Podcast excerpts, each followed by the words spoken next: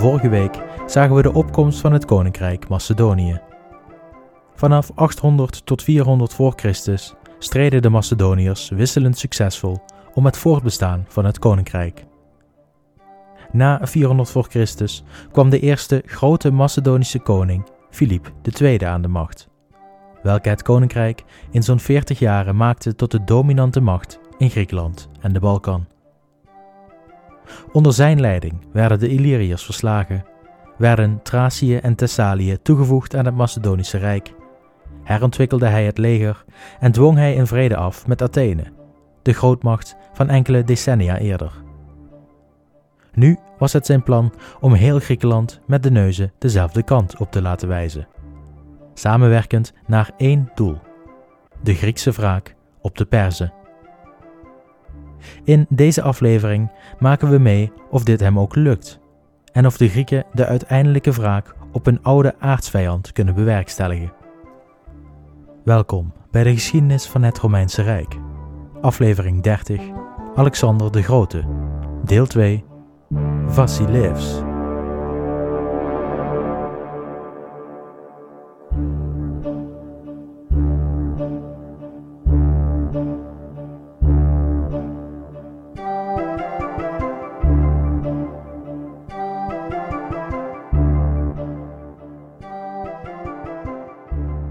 De groeiende macht van Filip II baarde de zuidelijke Griekse staten grote zorgen. Athene, Thebe, Sparta en Korinthe, allemaal waren zij sinds jaar en dag onafhankelijk geweest. Ze bestuurden zichzelf, zonder bemoeienis van een buitenstaander. Iedere stad voor zich, doch samenwerkend waar nodig. Filip en het Macedonische koninkrijk waren in bedreiging voor deze autonomie. Men moest er niet aan denken dat er een buitenlandse mogendheid de touwtjes in handen zou krijgen. Ja, ik zeg buitenlandse mogendheid. Want ondanks dat Filip door ons wordt gezien als een Griek, werd hij door de zuidelijke Grieken zeker niet zo gezien.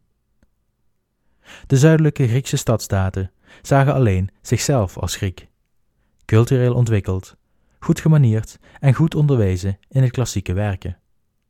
Uitvinders van de democratie zelfbesturend. De Macedoniërs, dat waren maar barbaren, halve Grieken, afkomstig van de berghellingen op de grens met het gebied van de wilde mannen. Naar beneden gerold om toevalligerwijs terecht te komen op Grieks grondgebied. Met nog steeds een monarchie, een oudbollig achterhaald instituut in de ogen van de vrijgevochten zuidelijke Grieken. Het feit dat Macedonië al zo'n 400 jaren bestond, en dat zij inmiddels dezelfde taal spraken, dezelfde cultuur hadden, dezelfde educatie kregen en dezelfde kleding droegen, werd afgedaan als toneel. Immers, al draagt een aap een gouden ring, het is en blijft een lelijk ding. Een spreekwoord dat overigens zijn oorsprong vindt in het Latijn. In tegenstelling tot wat de zuidelijke Grieken dachten, was Filip helemaal niet op zoek naar de onderwerping van Griekenland. Filip zag zichzelf als Griek, en zijn daadwerkelijke doel was het verslaan van de Perzen, welke zo'n honderd jaren eerder Griekenland waren binnengevallen en zijn koninkrijk hadden onderworpen. Wraak, daar was Filip naar op zoek. Hij wilde met een immens leger, bestaande uit soldaten van heel Griekenland, de oversteek maken naar Azië. Om dat te doen had Filip echter wel de steun nodig van de zuidelijke Griekse stadstaten. Hij kon niet simpelweg de boel de boel laten en vertrekken richting Azië en dan hopen dat bijvoorbeeld de Atheners niet van zijn afwezigheid gebruik zouden maken om Macedonisch land te veroveren. Hij wilde een alliantie, maar om eerder genoemde redenen bleek dit onder de huidige omstandigheden onhaalbaar.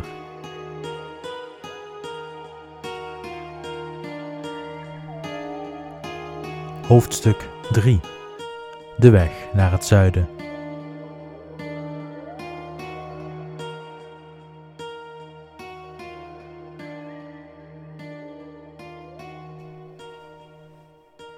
De zuidelijke Grieken hadden dus een zetje in de juiste richting nodig.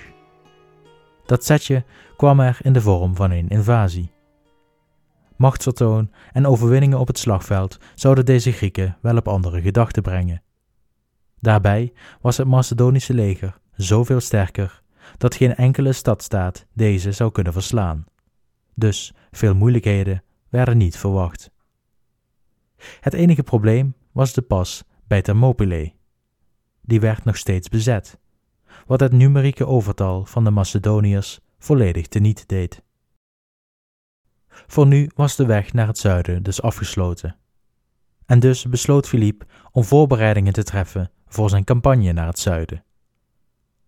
Hij vertrok daarom in tegenovergestelde richting, naar het noordelijkste puntje van Thracië, om naar het gebied nabij de monding van de Donau aan de Zwarte Zee te marcheren en de aldaar levende Skieten te verjagen. Dit deed hij om zijn noordgrens te beschermen als hij zelf naar het zuiden zou vertrekken. Na een succesvolle campagne tegen de nomaden liet Philippe een standbeeld achter om zijn overwinning te memoreren en keerde hij terug naar Pelja. Op zijn weg terug volgde hij de Donau en doorkruiste hij hierdoor het gebied van de Tribali, een barbaars volk, om zijn macht aan hen te kunnen vertonen. Tijdens zijn terugtocht braken er echter schermutselingen uit tussen het leger van Philippe en de barbaren. Tijdens een van deze schermutselingen raakte Philippe gewond aan zijn been. Deze verwonding zorgde ervoor dat de campagne naar het zuiden met zes maanden werd uitgesteld. In de herfst van 339 voor Christus waren de Macedoniërs dan eindelijk klaar om naar het zuiden te trekken. De campagne naar het zuiden valt samen met de Vierde Heilige Oorlog. Ik zal u de ingewikkelde geopolitieke verhoudingen wederom besparen, maar het komt erop neer dat Philippe werd gevraagd door een der partijen om hen te leiden in de oorlog. Philippe nam de handschoen maar al te graag op, daar dit hem een excuus gaf verder Griekenland in te trekken met een leger.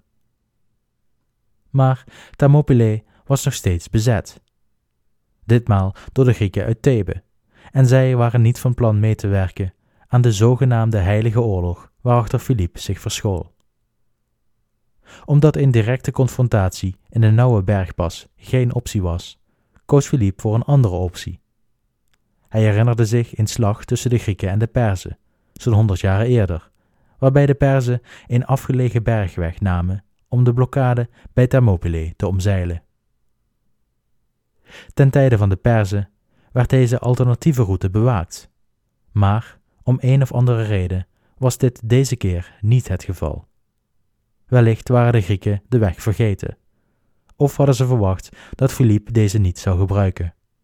Hoe dan ook, Philippe herinnerde zich deze weg wel en volgde deze dan ook om zonder medeweten van Thebe een doorgang te vinden naar het zuiden. Hij klopte daarna direct aan bij de steden in de buurt. Onder de naam van de Heilige Oorlog herstelde hij een oud bondgenootschap tussen de nabijgelegen steden, welke hem hiervoor dankbaar waren. Philippe had nu een uitvalsbasis in Zuid-Griekenland gecreëerd, van waar hij verder zijn campagne kon uitstippelen. De Heilige Oorlog, het masker waarachter Philip zich verschool, moest echter wel nog even opgelost worden. En dus zette Philippe zijn zinnen op het oplossen van dit conflict. Hij veroverde de stad van de tegenstander en droeg het over aan zijn bondgenoot, hetgeen hem verloste van de verplichtingen van deze coalitie. De aandacht kon nu volledig worden gericht op zijn eigen campagne. Toen het nieuws Athene bereikte dat Philippe voorbij Thermopylae was gekomen en zich op slechts drie dagen marcheren van Athene bevond, sloeg de paniek in de stad toe. Er werd nagedacht over een oplossing en men besloot een alliantie voor te stellen aan Thebe, welke gepositioneerd was tussen Athene en het leger van Philippe. Ook Philippe stuurde een gezant naar Thebe, met het verzoek zich bij Macedonië te voegen, of in ieder geval Philippe en zijn leger doorgang te verlenen richting Athene. De stad Thebe was officieel niet in oorlog met Philippe, en dus hadden ze de oorlog volledig aan zich voorbij kunnen laten gaan door Philippe doorgang te verlenen. Maar ondanks de nabijheid van Philippe en zijn leger en het vroegere vijandschap tussen de Thebanen en de Atheners, koos Thebe ervoor de krachten te bundelen met Athene, met het oog op de vrijheid van Griekenland. Binnen enkele dagen arriveerde het voltallige leger van Athene in de stad Thebe. Er zou een beslissende slag plaatsvinden tussen een alliantie van de Grieken tegen de Macedoniërs.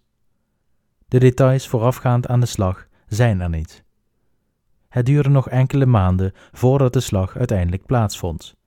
En wat er in de tussentijd gebeurt, is onduidelijk. We weten dat één Atheense spreker verwijst naar een wintergevecht en een gevecht op de rivier in zijn toespraken. Maar verder weten we helemaal niks. Uiteindelijk, in augustus 338 voor Christus, marcheerde het leger van Filip rechtstreeks via de hoofdweg van zijn kamp richting Athene, om het geallieerde Griekse leger aan te vallen, welke de weg verdedigde nabij de stad Cheronai. De krachten kwamen tegenover elkaar te staan. Iedere kant zo'n 30.000 man sterk, maar met de Thebanen en Atheners in een strategisch voordeligere positie. We kijken naar het slagveld vanuit het perspectief van de Macedoniërs. Filip zelf had het bevel over de rechterflank. Hij besloot zijn zoon Alexander, welke inmiddels 18 jaar was, het bevel over de linkerflank te geven. Alexander had zich bewezen tegen de Thraciërs, en Filip vond het tijd hem het bevel te geven over een deel van het grote Macedonische leger. Tegenover Filip bevonden zich de Atheners, en tegenover Alexander de Thebanen. In het midden stonden de Macedoniërs tegenover een collectief aan bondgenoten van beide vijanden. Details van de slag zelf zijn schaars. Het gevecht komt alleen voor in de overgebleven werken van Diodorus, welke over het gevecht schrijft: Eenmaal begonnen, bleef het gevecht lang onbeslist, en er vielen veel doden aan beide kanten, zodat beide kampen nog hoop hielden op de overwinning. Daarna gaat hij verder dat de jonge Alexander, die met heel zijn hart zijn dapperheid wilde tonen aan zijn vader, de vijandelijke linies doorboorde met zijn cavalerie en uiteindelijk de flank van de vijand liet vluchten. Aan de andere kant van het slagveld liet Philippe zijn flank langzaam terugtrekken, waardoor de Atheners een vals gevoel van zelfverzekerdheid kregen. De Atheners volgden en volgden langzaam maar zeker een gat creërend tussen hen en de bondgenoten van het centrum. Toen de Atheners ver genoeg gescheiden waren van hun bondgenoten, lieten Filip en zijn Macedoniërs de furie los op de vijand, welke werden gebroken en verslagen. Het leger van de zuidelijke Griekse bondgenoten werd verslagen. Er waren geen troepenmachten meer die de opmars van Filip naar het zuiden konden stoppen. De oorlog tussen Athene en Macedonië was de facto voorbij. De paniek was compleet in Athene. De stad lag open voor de barbaarse koning. In een wanopspoging werd snel begonnen met het heropbouwen van de stadsmuren, in voorbereiding op de belegering van Filip. Echter, Filip belegerde de stad nooit. Hij was niet gekomen om Zuid-Griekenland in te nemen. Doordat hij zelf ook een Griek was, wilde hij slechts dat alle Grieken zich bij hem aansloten, als bondgenoot, zodat ze samen onder zijn leiding Perzië in konden trekken. Daarom marcheerde Filip als eerste naar Thebe. Hier trok hij de stad binnen, verbande hij de leiders welke hem niet goed gezind waren, en stelde hij pro-Macedonische bestuurders aan. Hij was streng, doch rechtvaardig voor Thebe. Hij liet de Thebanen betalen voor de krijgsgevangenen en zelfs voor hun doden, en hij liet enkele door Thebe vernietigde steden opnieuw stichten. Allemaal had het veel slechter kunnen uitpakken voor de Thebanen. Daarna trok hij naar Athene, de grote vijand en aanstichter van vele oorlogen tussen Macedonië en zijn vijanden. In tegenstelling tot Thebe besloot Philippe de Atheners coulant te behandelen. Weliswaar werden ze verplicht het samenwerkingsverband met hun bondgenoten te ontbinden wel mochten ze enkele kolonies behouden en mochten alle krijgsgevangenen en doden terugkeren naar Athene, zonder losgeld. Waarschijnlijk deed Philippe dit om zijn goedwil te tonen, zodat hij gebruik mocht maken van de grote Atheense vloot om Perzië aan te vallen. In de tijd erna trekt Philippe met zijn leger door het hele zuiden van Griekenland en doet hij alle belangrijke steden aan om te onderhandelen over bondgenootschap. Alle grote steden gaan akkoord, zij het in sommige gevallen onder dwang. Als de grote steden overstag zijn, roept Filip de leiders van alle stadstaten van Griekenland op te verschijnen in Korinthe. Het doel van de vergadering was het smeden van een liga tussen de Griekse stadstaten onderling en Macedonië. Vergelijkbaar met de Latijnse liga, met één duidelijke leider, Macedonië. Gezaghebbers uit alle steden kwamen opdagen, maar één stad bleef weg: Sparta. Desalniettemin werd tussen de aanwezigen een verdrag gesloten en de Corinthische Bond was geboren, vernoemd naar de stad waar deze tot stand kwam. Met de bond in werking kon Philippe zich richten op die ene rare eend in de bijt, Sparta. Sparta had zich volledig afzijdig gehouden van de oorlog die had plaatsgevonden, en het was niet onwaarschijnlijk dat ze gebruik zouden gaan maken van de verzwakte staat van de andere Griekse steden. Daarom liet Philippe een bericht overbrengen aan de Spartanen, waarin hij op dreigende toon vroeg: Zal ik als vriend of als vijand naar Sparta komen? Enkele dagen later keerde de boodschapper terug met het antwoord van Sparta: Geen van beide. Duidelijk geïrriteerd door het typisch Spartaanse antwoord, liet Philippe nog één bericht aan de Spartanen overbrengen. Jullie worden geadviseerd om verdere vertraging te voorkomen. Want als ik mijn leger naar jullie land breng, vernietig ik jullie landbouwgronden, slacht ik jullie mensen en vernietig ik jullie steden. Waarop de Spartanen reageerden met slechts één woord: als. De Spartanen stonden bekend om dergelijke antwoorden. De term laconiek is dan ook afgeleid van de naam van het gebied waar Sparta de dienst uitmaakte, Laconië. Deze termen, laconiek of laconisch reageren, kennen we vandaag de dag nog steeds en verwijst naar de laconische manier waarop de Spartanen konden reageren. Wellicht had Philippe respect of ontzag voor de moedige antwoorden van de Spartanen. Zag hij er de humor van in, of vond hij het de moeite niet waard? Maar na deze dialoog trok hij slechts het gebied Laconië in om de landbouwgrond te vernietigen. Sparta zelf viel hij nooit aan.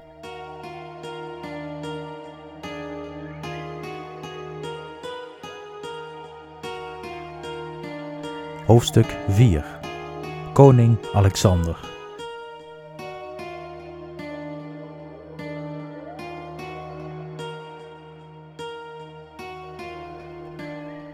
Na zijn overwinning in Griekenland konden dan eindelijk de voorbereidingen beginnen om Azië binnen te vallen.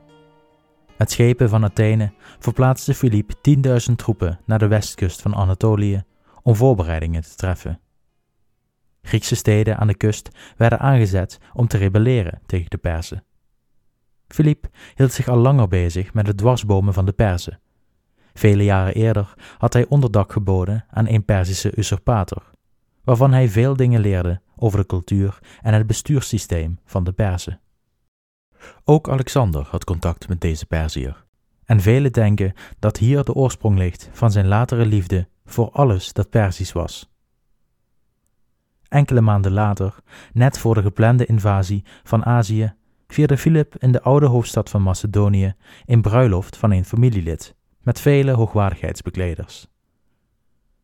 Toen hij op enig moment onbeschermd het theater van de stad binnenwandelde, werd hij door zijn eigen lijfwacht neergestoken.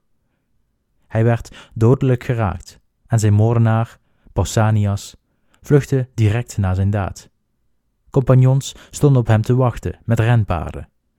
Maar terwijl enkele andere lijfwachten achter hem aanzaten, struikelde hij over een boomwortel, waarna hij werd gedood door de achtervolgers. Waarom Philippe werd vermoord is in grote onduidelijkheid.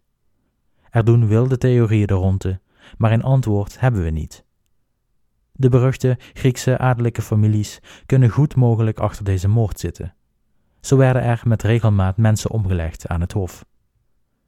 Wat de werkelijke achtergrond van de moord ook is, de actie zal een enorm effect hebben op de latere wereldgeschiedenis, veel groter dan de samenzweerders ooit hadden kunnen voorspellen.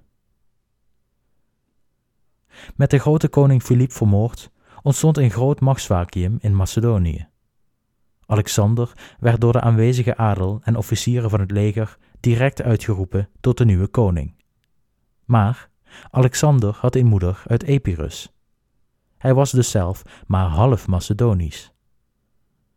Zoals het nieuws van Philips dood zich door Griekenland verspreidde, zo verspreidden ook de roddels. Het was een kwestie van tijd voordat er anderen zouden opstaan die het koningschap van Alexander openlijk zouden betwisten. Alexander had hier geen trek in, en direct na zijn aanstelling liet hij zijn neef vermoorden. Twee belangrijke prinsen uit de provincie werden geëxecuteerd, en alle andere personen welke een bedreiging zouden kunnen vormen, werden naar goed Macedonisch gebruik geliquideerd. Het nieuws van Philips dood bracht tevens enkele opstanden op gang. De usual suspects, Athene en Thebe, braken met de Macedonische heerschappij, maar ook Thessalië en de Thracische stammen grepen de kans met beide handen aan. Alexander liet er geen gras over groeien. De dreiging die was ontstaan moest zo snel mogelijk de kop ingedrukt worden. Ondanks dat hem werd aanbevolen het conflict met diplomatie op te lossen, beval hij de verzameling van 3000 ruiters. Met dit leger zou hij heel Griekenland weer onder de duim proberen te krijgen. Hij vertrok naar het zuiden, maar zag zijn weg geblokkeerd door het Thessalische leger, die een bergbas blokkeerde. Hij beval zijn ruiters de berg zelf dan maar te beklimmen. En te paard haalden ze de nacht door om in de ochtend het ontwakende Thessalische leger in de rug te kunnen verrassen. Na een kort gevecht gaf de vijand zich aan Alexander over. Alexander voegde de ruiters van dit leger bij die van hem en maakte zijn weg verder zuidwaarts. Toen hij aankwam bij Thermopylae, werd hij geaccepteerd als nieuwe koning door de steden in de omgeving, welke door zijn vader Filip werden gesteund tijdens de laatste heilige oorlog. Hierna kwam Alexander aan in Korinthe, waar hij de beroemde ontmoeting had met Diogenes. De ontmoeting die naar verluid indirect de aanleiding is geweest voor Disney's Lady en de Vagebond. Op de website vindt u het verband daartussen. Door de overgave van Thessalië en de steden rond Thermopylae was de machtsverhouding tussen Alexander, Thebe en Athene behoorlijk veranderd, in het nadeel van de laatste twee. En dus, gedwongen, kozen de Atheners en Thebanen voor een vrede en gaven ook zij de opstand op om Alexander als nieuwe koning van Macedonië te erkennen. Toen alle partijen, met uitzondering van Sparta, weer samenkwamen in Korinthe, werd Alexander als hegemon aangewezen, net als zijn vader, en werd hij heerser van Griekenland en leider van de expeditie naar Perzië. Voordat Alexander echter de oversteek maakte naar Azië, moest de noordgrens nog zeker gesteld worden. In het voorjaar van 335 voor Christus rukte hij op om verschillende opstanden te onderdrukken. Vanuit Amphipolis reisde hij naar het oosten, naar het land van de onafhankelijke Thraciërs. Hier vond een grote slag plaats, welke Alexander won, ondanks zijn strategisch veel slechtere positie. Daarna versloeg Alexander een leger van de Triballi, de stam die zijn vader hadden verwond tijdens zijn doortocht. Vervolgens marcheerde Alexander door naar de Donau, waar hij aan de andere kant van de rivier een leger zag van de Geten. S'nachts liet hij zijn leger de rivier oversteken, en hiermee verraste hij zijn tegenstander. Hij dwong de barbaren terug te trekken van de Donau.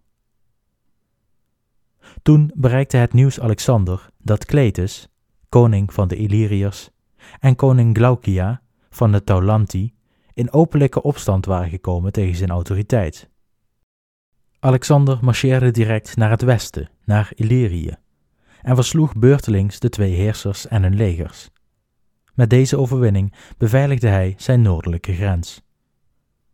Maar, zo zal je net zien, terwijl Alexander campagne voerde in het noorden, rebelleerden de Thebanen en Atheners opnieuw. Alexander ging met onmiddellijke ingang naar het zuiden. Terwijl de andere steden opnieuw aarzelden, besloot Thebe te vechten. Het Thebaanse verzet was echter niet effectief en Alexander veroverde en verwoestte de stad en verdeelde het grondgebied onder de nabijgelegen steden. Het einde van Thebe bevoordeelde Athene en zorgde uiteindelijk voor een tijdelijke vrede in heel Griekenland. Niet stond een campagne naar Azië nu nog in de weg. En twee jaren na zijn troonbestijging stak Alexander op 22-jarige leeftijd de Hellespont over, zijn eerste stappen op Perzisch grondgebied zettend.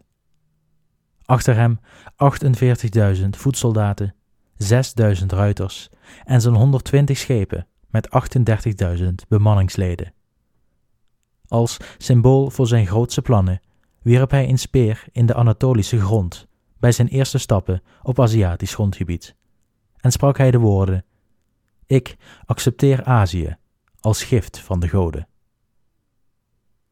Volgende week zien we de reactie van de Perzen op de aanwezigheid van een slordige 50.000 Griekse soldaten op Perzisch grondgebied en de eerste gevechten tussen Alexander en de veel, veel grotere legers van Perzië.